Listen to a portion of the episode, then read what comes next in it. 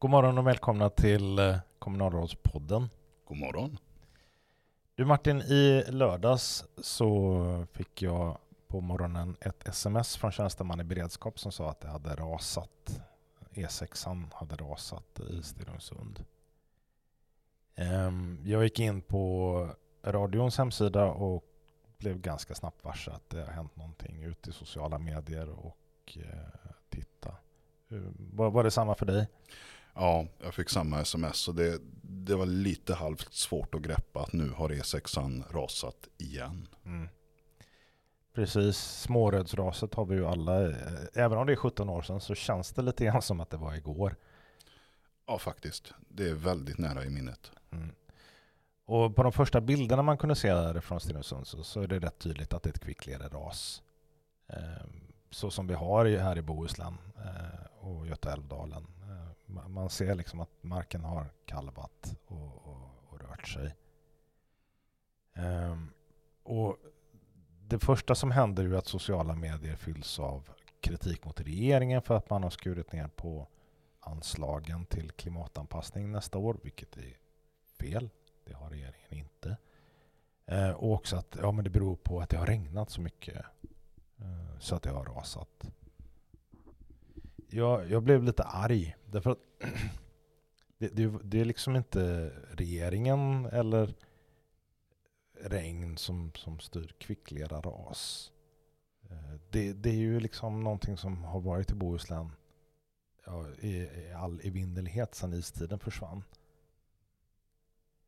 Det, det, det som var uppenbart när man, när man sen såg övriga bilder. Jag, jag förstod ju inte från början att det fanns ett, ett pågående bygge uppe i slänten precis före det här. Ja, det var inte jag heller medveten om. Utan det, det som var det omedelbara det var ju att man insåg att hur många människor som bor i Uddevalla som, som pendlar mm. söderut. Alltså raset som inträffade på Småröd, det var ju norr om oss. Mm. Det, det, var ju inte lika påtagligt för de som bor i Uddevalla. Alltså i, i, i termer av um, den vidare förlängningen av den situationen som uppstår när, när vägen försvinner. Mm. Men det här kommer ju att bli väldigt märkbart för många under väldigt lång tid. Mm. Skillnaden då i Småred var ju också att det var ett pågående vägbygge. Mm.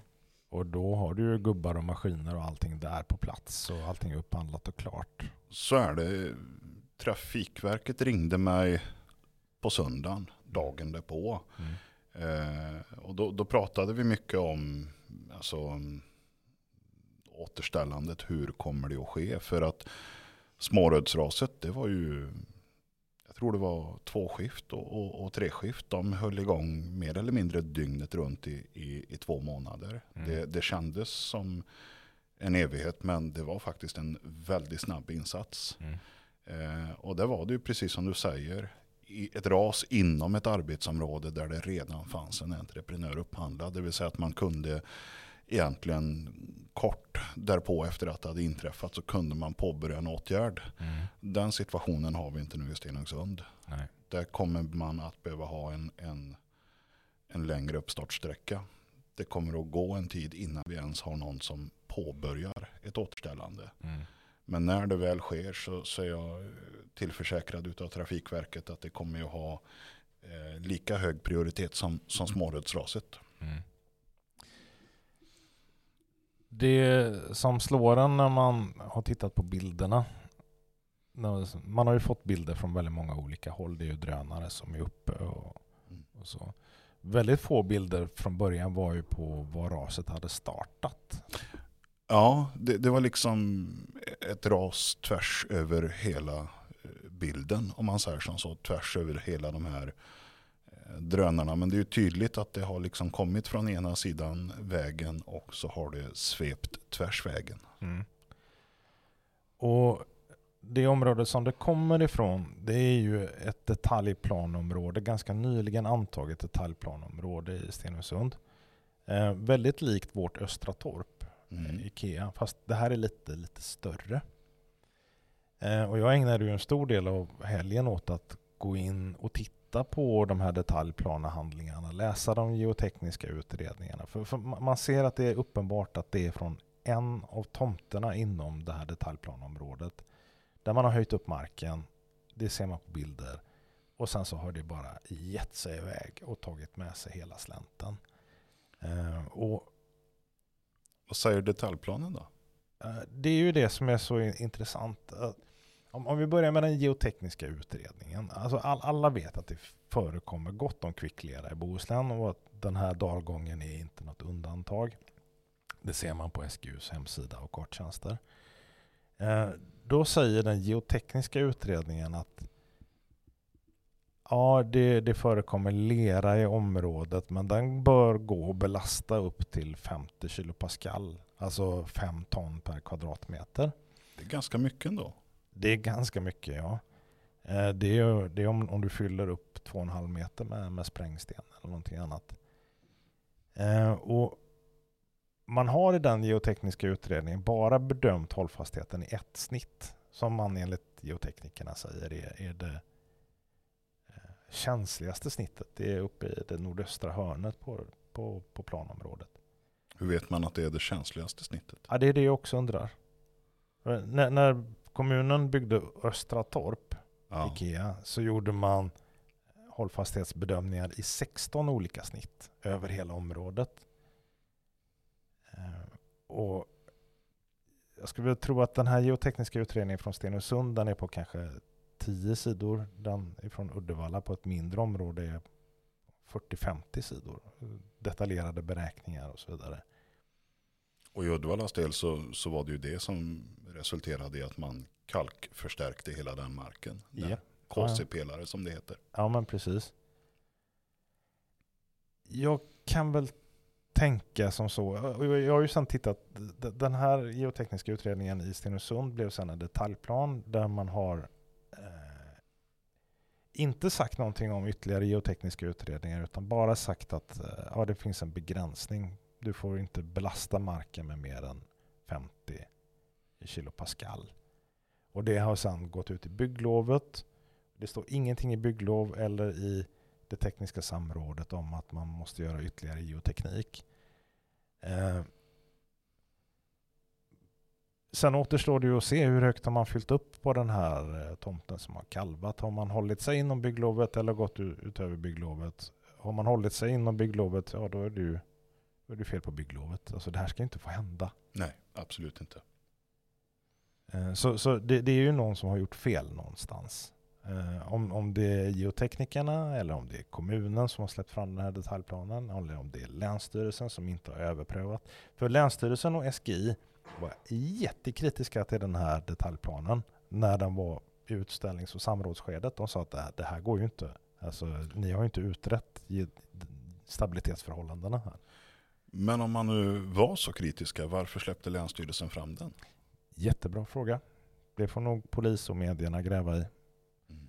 Men det som är helt klarlagt i vart fall är att här är det någon som har gjort fel. Det kan vara entreprenören, det kan vara kommunen, det kan vara någon annan.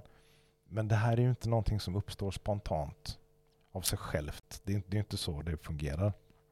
Nej. När det gäller kvicklera överhuvudtaget så den, den blir flytande när den utsätts för en påfrestning. Det är ju alltså en lera som avsattes under tiden som det var havsbotten här i Bohuslän. Det var ju bara saltvatten havsbotten här i Bohuslän, Göta älvdalen och runt Vänern. Resten av hela Sverige har inte de här saltlereavlagringarna som kallas för kvicklera. Och det som händer med kvicklera över tusentals år det är att saltet lakas ur, inte över en natt, inte över ett decennium, inte över hundra år, utan över tusentals år så lakas saltjonerna ur den här leran. Och den kvickleran som då finns nu, om du belastar den på ett felaktigt sätt så övergår den från fast form till flytande. Och bara rinner iväg. Mm. Och det spelar liksom ingen roll att det har regnat under sommaren eller under hösten. Det, det kan påverka torrskorpan, alltså det översta lagret. På marken. Så att det rinner iväg och i sin tur utlöser ett, ett ras med kvickleran. Men det påverkar inte kvickleran. Det är bara grundvatten som kan påverka kvickleran. Det är inte en klimatfråga med andra ord. Det är inte en klimatfråga. Och sen sägs det också att ja, men det ska ha regnat extremt mycket. Nej, det har inte regnat extremt mycket. Det, det har regnat normalt mycket. Alltså det, extremt är ju ett antal standardavvikelser från det normala. Det normala är att det varierar. Det finns ingen onormal regnvattenbelastning i Bohuslän under det här året. Eh, om man ska vara helt ärlig, tittar du hundra år bakåt så har, så har du inte någon onormal variation än. Det sägs att klimatförändringarna kommer leda till mer extremväder, men SMHI själva säger att det är inte här än. Det kommer att komma i framtiden. Ut och jaga ett extremväderspår idag kommer att leda samhällets insatser fel. Vad vi måste se till att undvika är att folk som inte vet vad de gör planerar och bygger. För det är det som är risken. Risken är inte extremväder i det här skedet utan vi måste säkra kvaliteten när det antas detaljplaner, ges bygglov och byggs. Det låter som en återgång till de gamla byggkontrollanterna som besökte och följde upp och, och bevakade arbetsplatserna under tidens gång. Men det, det är ju också en, en påminnelse om att när du som politiker sitter och antar en detaljplan så har du ansvar för den.